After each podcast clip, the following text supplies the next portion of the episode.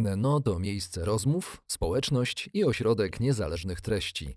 Do rozmów, dyskusji i debat prowadzonych w NNO zapraszamy przedstawicielki i przedstawicieli szeroko rozumianej nauki. Filozofów, etyków, psychologów, socjologów, działaczki i działaczy praw człowieka, ekologów oraz liderki liderów biznesu. NNO po stronie odpowiedzialności.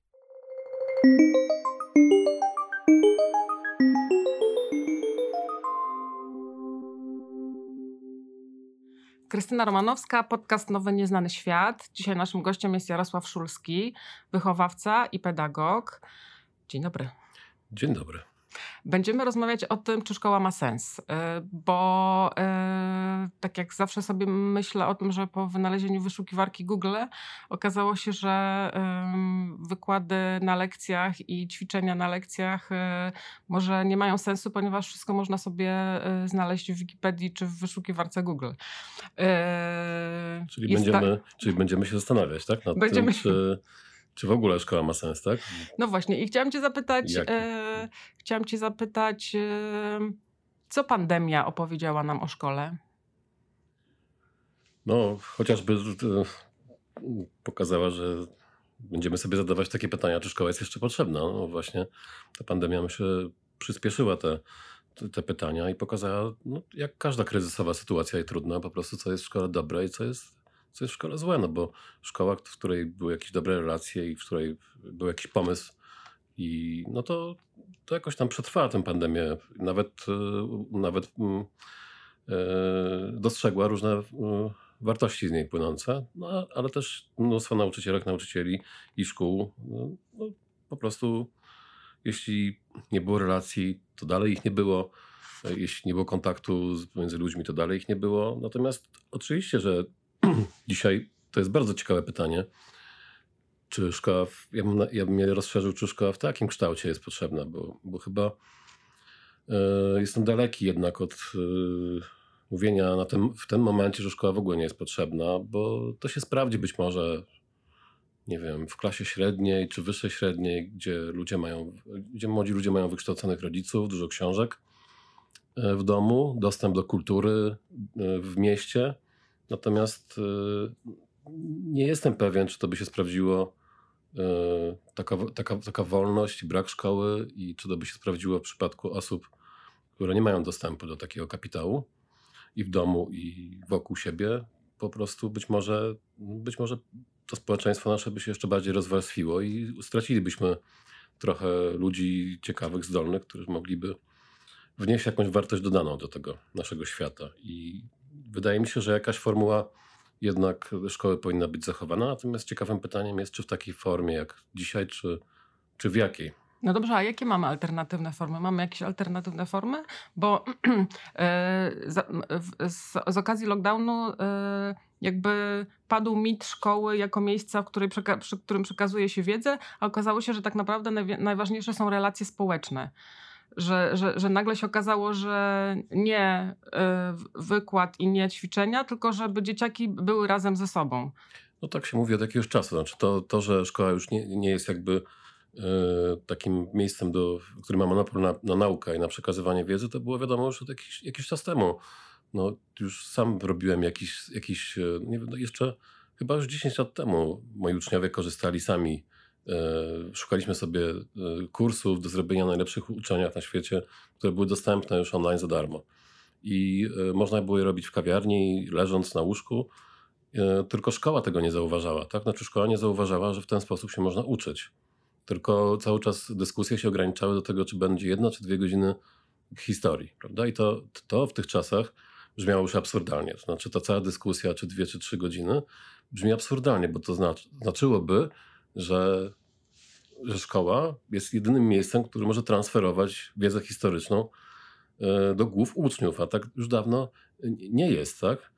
E, ja sobie myślę nawet, jak, jak myślę o, o, tej szkole przyszłości, to, to jednak myślę, że, że będą potrzebni tam dorośli, e, ale może będą coraz mniej potrzebni specjaliści, znaczy dydaktycy, w sensie specjaliści przedmiotowi, a na tym jest skupiony chyba trochę, trochę nasz system. I i oczywiście y, wierzę w to, że w jakąś taką naturalną ciekawość do uczenia się, naprawdę w to wierzę, ale jednak gdzieś, y, gdzieś y, musi być jakiś impuls, jakieś zaciekawienie. No, często przychodzi mi do głowy, jak rozmawiam z osobami, które, które tak po prostu wierzą, że dzieci same się będą uczyły. Taka historia tego hinduskiego informatyka Sugata Mitry, mm, który jest, no, słynie z takiego eksperymentu dziura w ścianie. On po prostu najpierw w mieście, a potem na wsi umieścił w, w drzewie, w ścianie komputery i zostawił po prostu, tak? Jakby y, dał dostęp w slumsach gdzieś do dzieciakom, które nigdy nie miały dostępu do internetu. Tak? No i zaobserwował rzeczywiście, że, że y, dzieciaki się same nauczyły obsługiwać myszki, wyszukiwarki, znajdowały, znajdowały informacje i tak dalej, ale jednak to był jakiś impuls, tak? Było jakieś zaciekawienie, było coś, coś się zaczęło dziać, tak? Coś, coś, coś nowego. Y, I podobnie on później tworzył jakby taką szkołę, w której właściwie mówił, e, poprosił jakąś księgową o pomoc e, w uczeniu dzieci. Księgowa powiedziała, że ona nie zna się na, nie wiem, na biologii na przykład, bo chodziło o biologię. On mówił, nie musisz się znać, żeby nauczać, żeby uczyć, tak? Jakby, żeby wspierać proces nauczania.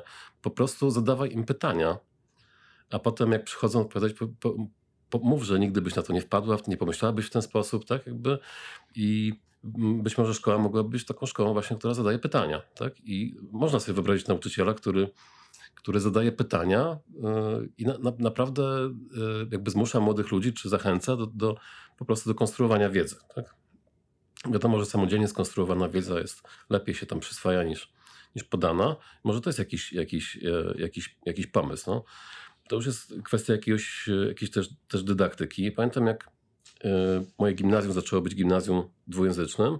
Więc pomyślałem sobie, kurczę, może sięgnę, geografii uczyłem, więc może sięgnę do jakichś y, angielskojęzycznych treści. No i y, pamiętam, że w Londynie przeglądałem w księgarni kilkanaście podręczników do geografii i byłem zdumiony, to znaczy w, w jaki sposób tam te podręczniki były poukładane. U nas podręcznik do geografii to jest encyklopedia, a tam Y, każdy temat był pytaniem, tak? Pytaniem, które nawet mnie za, za, za, zafrasowały. Znaczy, rzeczywiście nie były one, znaczy były one, to były takie pytania, które naprawdę nas dotyczą, tak? No, szkoła, szkoła być może jest miejscem właśnie zadawania pytań. No i, i pomyślałem sobie, że, że będziemy mieli taki, y, no, taki dylemat, jakby jak przygotowywać nauczycieli, czy oni mają być i w którym momencie mają być dydaktykami, czy muszą być przygotowani czy muszą raczej być, nie wiem, skończyć studia kierunkowe z fizyki, żeby uczyć w podstawówce na przykład fizyki, czy raczej psychologię? No bo umówmy się, że taką historię czy geografię to każdy, no, kto potrafi się uczyć, to na poziomie szkoły podstawowej może opanować no, w dwa miesiące jakieś podstawy, tak? Znaczy, ja absolutnie się z Tobą zgadzam, ponieważ ja po prostu widzę yy, widzę w przypadku moich córek, jak one mocno reagują na jakby nauczycieli, że jeżeli ja je chwalę, to jest to coś innego niż pochwali je y, nauczyciel. To jest po prostu inna jakość. Ale te, ten. Y, nie jestem przekonana, czy ten nauczyciel ma posiadać po prostu ogrom wiedzy, czy po prostu powinien umieć te dzieci chwalić, tak jak mówisz, zadawać im pytania, że ten kontakt tutaj uczeń-nauczyciel nie w sensie przekazywania wiedzy, tylko w sensie kontaktu człowiek z człowiekiem jest jakiś taki yy, bardzo ważny. No tak, no jest to, to, to jest jakiś element po prostu dorastania, że w pewnym momencie nie wystarcza, że mama mówi, że jesteś great po prostu i wspaniała, tylko trzeba się skonfrontować ze światem, tak? I, i to czasami jest bolesne. I, I, oczywiście taka akceptacja i w ogóle możliwość spotkania innych dorosłych, tak? Którzy mają jakby, no po prostu są różni, tak? Jakby pokazuje, pokazuje no, jak się wychodzi poza rodzinę, to, to ma to ogromną wartość, tak? No, jakby przy tych wszystkich zjawiskach społecznych, czyli nie wiem, coraz mniejszych rodzinach, zaniku jakichś podwórek, tym, że y, młodzież, młodzi ludzie funkcjonują w przestrzeni, gdzie jest, zawsze jest dorosły nad nimi, no to mhm. szkoła, szkoła zaczyna być, zaczyna powoli być takim czasem jedynym miejscem socjalizacji. No i, y, i chyba tutaj ja przewiduję, że to będzie coraz e, istotniejsza funkcja, dlatego no, że jeśli mamy dostęp do, do, e, do wiedzy na, na wspaniałym poziomie, na wyciągnięcie ręki, to głównym problemem będzie to, czy ja będę w stanie emocjonalnie, psychicznie w ogóle skorzystać ze swoich talentów, tak, jakichkolwiek. No bo co mi po, po tym, że odebrałem świetne wykształcenie w rodzaju rozbudowanej podstawy programowej, skoro ja boję się zrobić krok do przodu, bo nie wiem, czy mnie ktoś lubi, bo nie wiem, nie mam, mam niskie poczucie własnej wartości, nie mam przyjaciół, bo robiłem olimpiady i konkursy i nie miałem czasu się spotkać, bo tak mi wszyscy mówili, że na tym polega życie, że życie będzie później, no to no to się nie, nie dziwię, że statystyki też depresji czy, czy samobójstw rosną. Więc na to szkoła musi odpowiedzieć, no bo, bo, no, no bo inaczej no, no będzie to po prostu jakaś nowa rola szkoły. No, ta stara, y, czyli ta podawcza, no, zużywa się, tak? Jakby, Mhm. W związku z tym jakby, no, też dziwię się naszym decydentom, że cały czas debatujemy na przykład o podręcznikach, tak? No, jaki to ma W sens? podstawie programowej. No jaki to ma sens dzisiaj, tak? Jakby na, naprawdę za chwilę nikt nie będzie korzystał z podręczników praktycznie, no bo wspaniałe zasoby będą aktualne, aktualizowane i coraz, coraz wspanialsze, dostępne na wyciągnięcie ręki. To po co komu będą podręczniki? No dobrze, a jakbyśmy mieli sobie wyobrazić taką szkołę przyszłości, to jakie byś tam wprowadził y, przedmioty? Nowe. Te, których jeszcze do tej pory nie było. Ja sam się zastanawiam nad tym, nad tym czy, mm, Czy, Czy- dzielić na przedmioty? czy nie jesteśmy jakoś przywiązani Mhm. za bardzo do tak dużej ilości przedmiotów, że może powinno być ich mniej. Że, no bo to jest trochę taka sytuacja, gdzie my nawet, gdzie te podstawy programowe nie są ze sobą często zbieżne, więc my tam widzimy jakby drzewa, nie widzimy lasu, można powiedzieć, tak? Jakby nie, nie umiemy syntetyzować tej wiedzy za bardzo, E, więc bardzo podoba mi się e, taki, taka koncepcja nauczania problemowego. Natomiast pytanie, czy na dzień dzisiejszy pewnie nie. No nie, nie jesteśmy do tego przygotowani tak merytorycznie, tak? To trzeba by zacząć jakby od przygotowania nauczycielek, nauczycieli i wyjścia poza ten schemat nauczania przedmiotowego, tak zwanego, czy klasowo-lekcyjnego, tak? E, No, ja bym, ja bym się zastanowił nad tym, mm, no, przypomniałbym sobie najpierw, po co jest szkoła, tak? Jakby to są takie proste pytania, Mhm. do których warto wrócić od czasu do czasu. Mhm.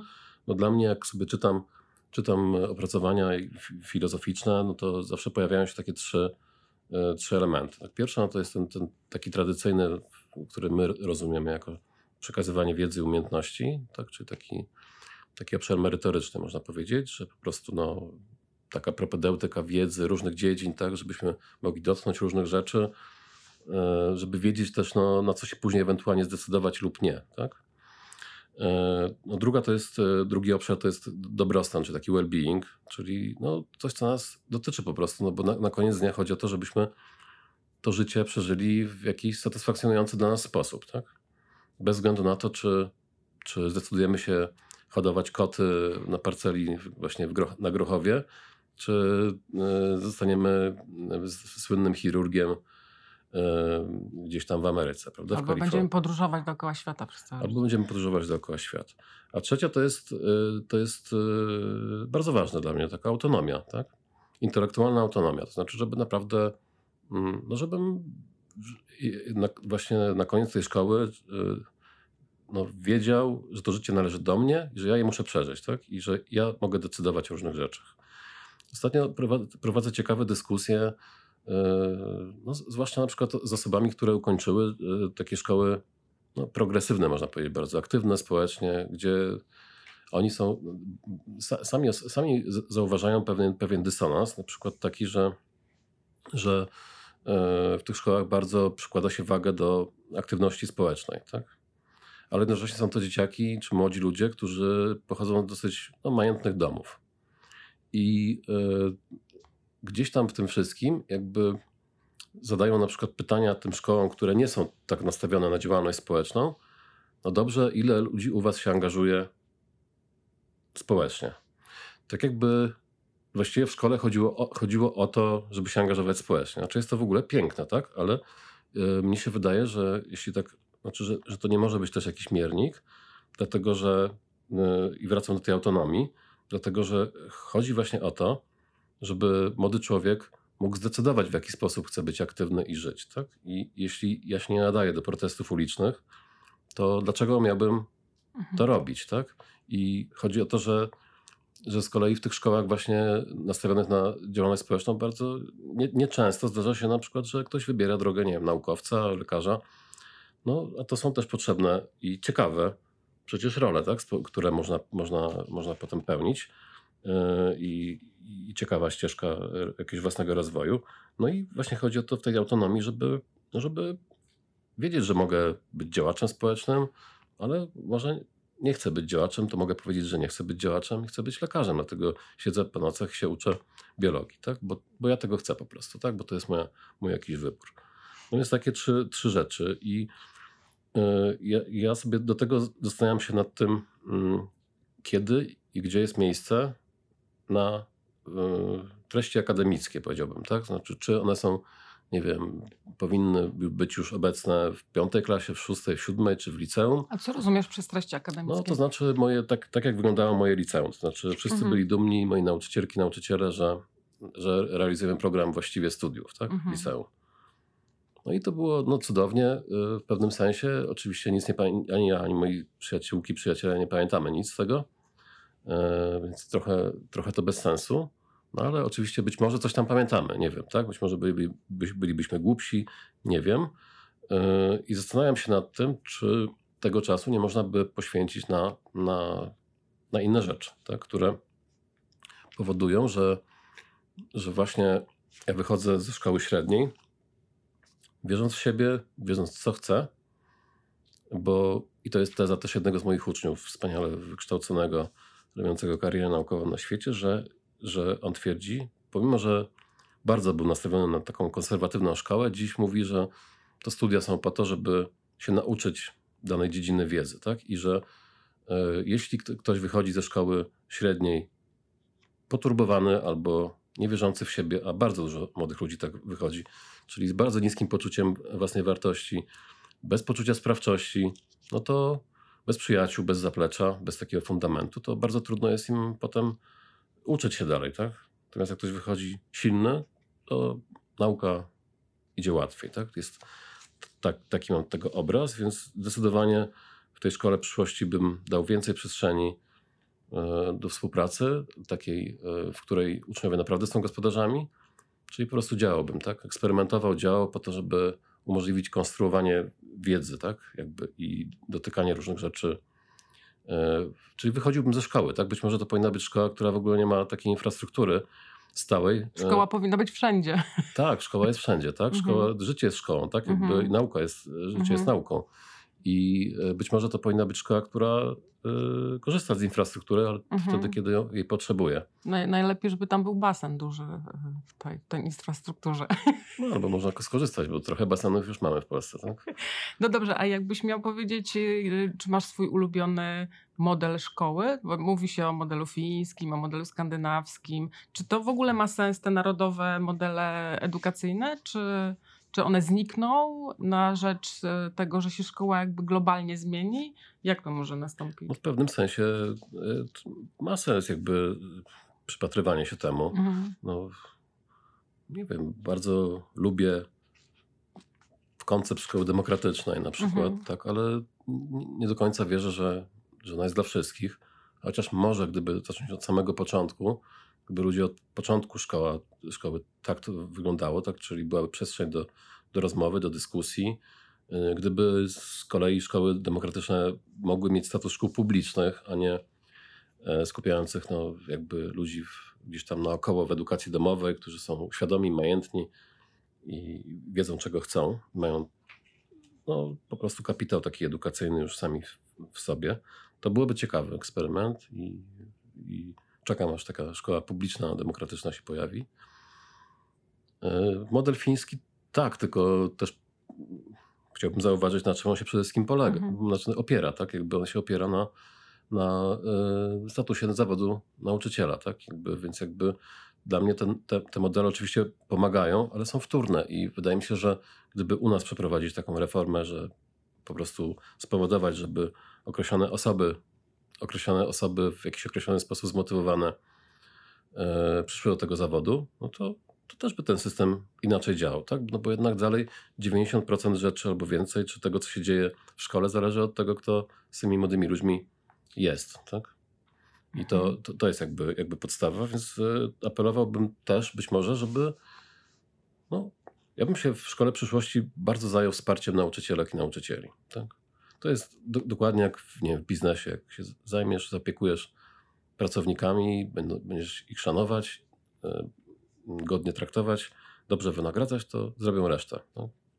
Mhm. I Chciałam się zapytać o to, jeszcze e, wyciągnąć trochę to, co e, powiedziałeś e, na początku wywiadu, że już nie jest ważna jakby wiedza, znaczy nie, nie są ważne nośniki wiedzy, ale jest ważne jest to, żeby zmotywować ucznia do tego, żeby, żeby po tą wiedzę, że, że, żeby miał wewnętrzne poczucie, żeby, żeby po tą wiedzę sięgnąć. Czyli rozumiem, że, że ci nauczyciele przeszłości, przyszłości byliby coachami motywacyjnymi, czy jakby jak jak widzisz e, te ich umiejętności? Co oni by musieli umieć robić? Byli, być, nie wiem, autorytetami i wizjonerami jak Keating ze Stowarzyszenia Umarłych Poetów? Czy jak widzisz takiego modelowego nauczyciela przyszłości?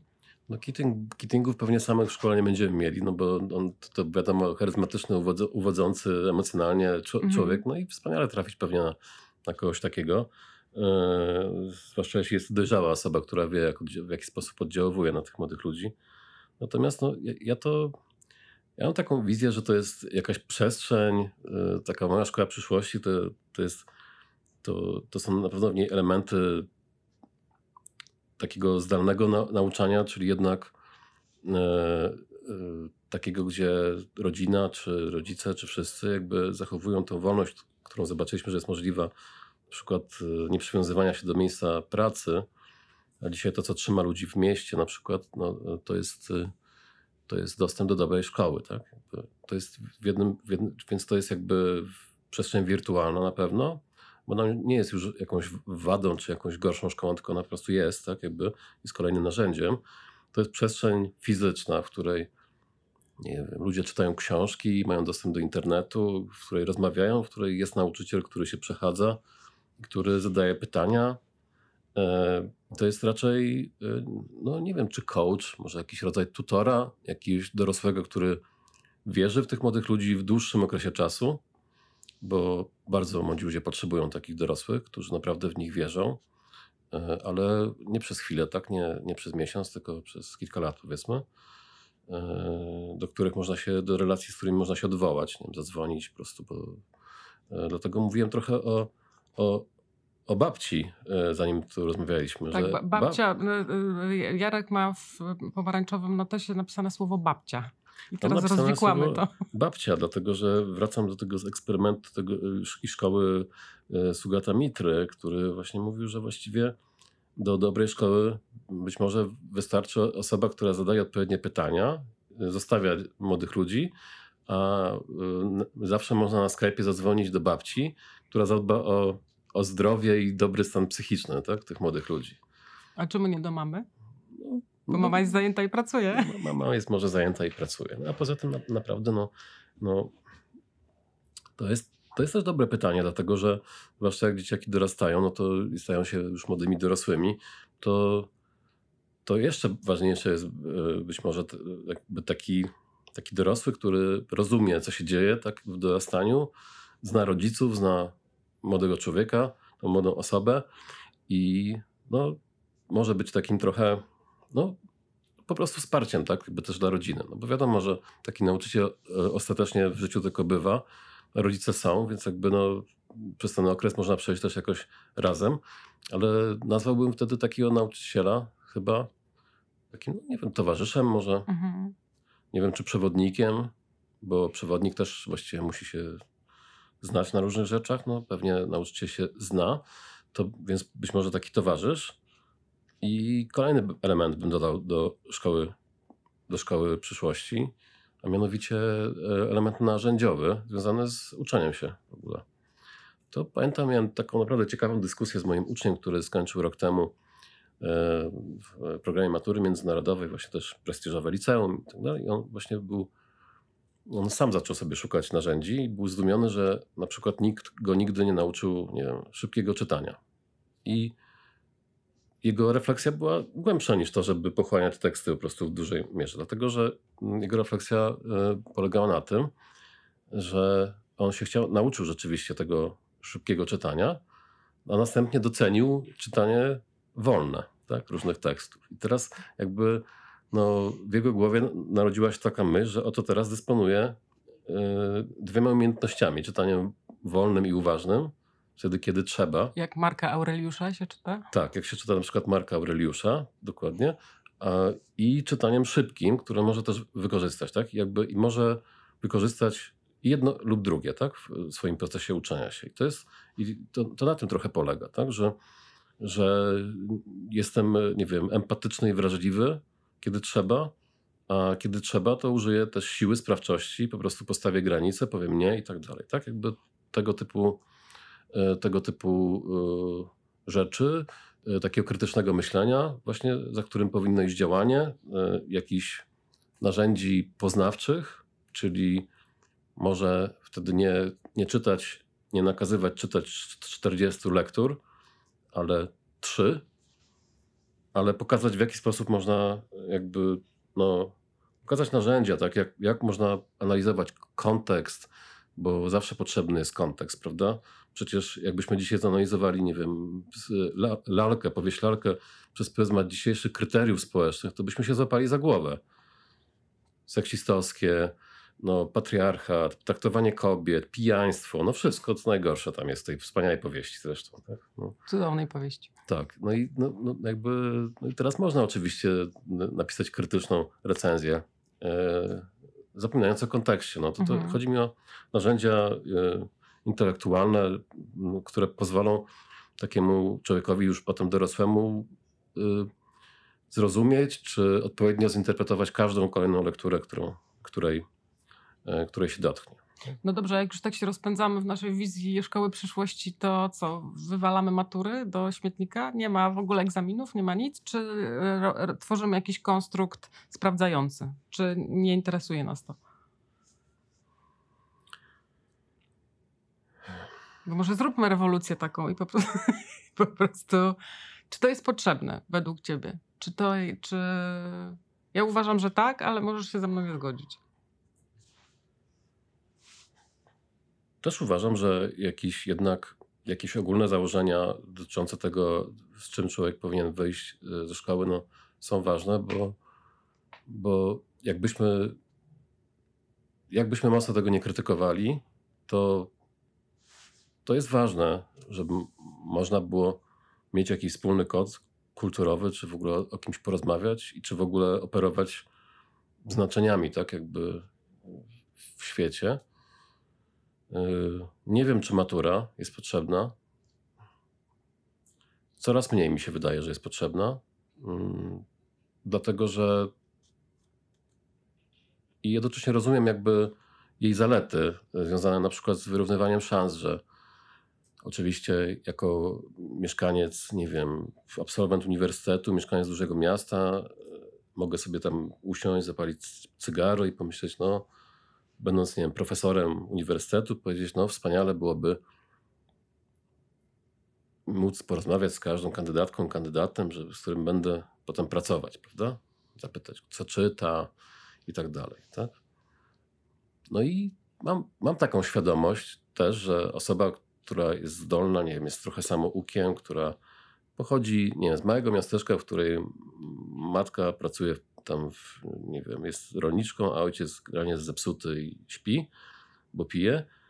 Mm, no i młody człowiek chce się wyrwać po maturze, no to rozmowa z nim będzie wyglądała zupełnie inaczej niż z młodym człowiekiem, który robi lepsze wrażenie, bo ma dużo książek, bo w jego domu bywają profesorowie, profesorki, ludzie wykształceni i tak dalej. Tak? Że tutaj wrażenie, a w du dużej mierze taki egzamin się opiera na wrażeniu, no, będzie powodowało, że jednak ci, którzy być może najbardziej potrzebują tego uniwersytetu, e, stracą.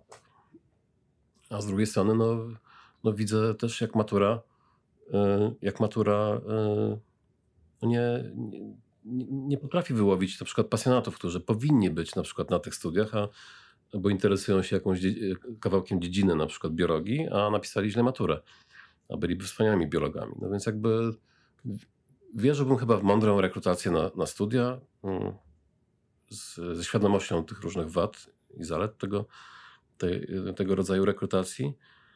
E, a potem, bo patrzę jeszcze dalej, to znaczy patrzę, co się dzieje potem na rynku pracy, że tak naprawdę ta matura, no nikt mnie nigdy nie pytał o maturę, tak? Jakby jest to jakiś, jest to jakiś dokument, który powinienem mieć, ale pytanie, czy on o czymś, no, no o czymś tam świadczy, tak? Jakby daje jakąś tam, nie wiem nawet czy gwarancję, no, nadzieję, tak, że, że, że pewne rzeczy, nie wiem, przeczytałem, że pewne rzeczy wiem, potrafię, ale czy tak jest naprawdę? Wielu pracodawców dzisiaj wątpi w to.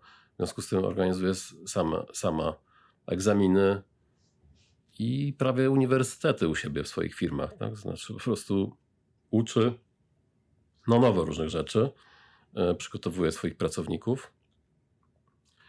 E, natomiast e, sprawdzają coraz częściej rzeczy, których nie da się nauczyć po prostu już dorosłych, tak? czyli właśnie te miękkie, na które jest miejsce w szkole, a których później bardzo trudno jest się nauczyć. I bardzo mnie ciekawią spostrzeżenia moich uczniów, którzy nie wiem, kończą studia na przykład i wchodzą na rynek pracy, tak jakby, bo, mm, no bo patrzą wtedy, jakby konfrontują się z tym, z tym e, co, co się dzieje. No jeden, z, jeden, jeden z nich e, e, właśnie powiedział, że miał taką refleksję, że, no, że liczy się najbardziej takie ogólne ogarnięcie, tak? czyli robienie czegoś od początku do końca i po prostu jakaś odpowiedzialność, jakiś rodzaj odpowiedzialności. I że to było dla niego takie zaskoczenie. Drugi, z kolei taki bardzo nastawiony tak na, na sukcesy i tak dalej, no po prostu przeszedł taką no, najlepszą drogę, znaczy najlepszą, no taką po prostu tak, jakby cisnął w gimnazjum, żeby dostać się do dobrego liceum, potem pocisnął w liceum, całe liceum, e, żeby dostać się na studia, tam pocisnął na tych studiach, żeby Dwa dostać... słowa, pociśnięcie i ogarnięcie. Pocisnął, pocisnął, żeby dostać tam stypendium, i tak pocisnął, że tam jako jeden z niewielu dostał tam stypendium w jakiejś jednej z tych słynnych firm doradczych. No i, i wtedy zaczęło się życie. Znaczy siedzi w tej firmie doradczej i wysyła do mnie SMS-a, że jakie to wszystko jest do d i nudne. To to, to chodziło? Wszystko? I, no i plus parę bluzgów takich. Już mamy no i co mu odpisałeś? Nie popłakałem się trochę ze śmiechu, no bo gdybym to ja mu powiedział kilka lat temu, to pewnie to by mi nie uwierzył, no bo to każdy musi przejść tą swoją drogę i to jest niesamowite, ale i tak się orientuje dosyć szybko, że być może to nie jest dla niego, no bo jakby dopiero jeszcze w trakcie studiów, więc to jakoś tam jest okej, okay, no. Z drugiej strony y, też dzieją się ciekawe rzeczy, bo na przykład mam, mam takiego ucznia byłego, który też kończy studia i który jest jednym z tych uczniów, którym jak sobie pomyślałem, że miałbym kogoś zatrudniać, to jego, dlatego że jest mega mega odpowiedzialny. Po prostu no, robił, organizował nasze eskapady takie na, na do, do, krajów, do, na Bałkany, gdzieś tam po prostu no, super logistyka, zawsze przygotowany, wspaniały, ciepły człowiek. Tak? Jakbym miał pracować, pracować z kimś, to z nim. E, no i okazuje się, teraz miałem ostatnio, e, piliśmy z jego przyszłą żoną, małżonką, też moją uczennicą i z nim byśmy, no siedzieliśmy u nich w domu po prostu na winie, jak to nauczyciel z swoimi uczniami. I, e, i rozmawialiśmy o tym. No i, i, i uczeń jest, czy to były uczeń dorosły, no okazuje się, że to, co służyłoby pracodawcy, wcale nie służy jemu. To znaczy, on chce się oduczyć tej swojej odpowiedzialności, tej nadodpowiedzialności, tak, tego balansu właśnie. I tego powinna nasza, szkoła uczyć, tak, żeby, żeby no, fajnie jest być odpowiedzialnym, ale wszystko ma swój cień i trzeba w pewnym momencie też umieć zadbać o siebie, tak, jakby o swoje potrzeby a nie o potrzeby innych osób. I być może tego nad tym, nad tym za mało pracowaliśmy. Tak? Ja się też zachwycałem, jaki on jest wspaniały i tak dalej, i tak dalej. No właśnie i to jest ciekawe, bo e, skupiając się na wiedzie zapominamy o tym, o czym, po, o czym co potem daje znać w, w, w dorosłym życiu, czyli pociśnięcie, ogarnięcie, no i ta nad, nadmierna odpowiedzialność. E, Jarku, bardzo Ci dziękuję za rozmowę. E, rozmawialiśmy o czymś, co nazwaliśmy w sobie w trakcie rozmowy szkoła wszędzie. I takie, i takie, I takie hasło e, niech nam przyświeca. Moim gościem był Jarosław Szulski, pedagog, wychowawca i autor książki Nauczyciel z Polski, którą bardzo Państwu polecam, a ja bardzo dziękuję. Krystyna Romanowska, Nowy Nieznany Świat. Bardzo dziękuję.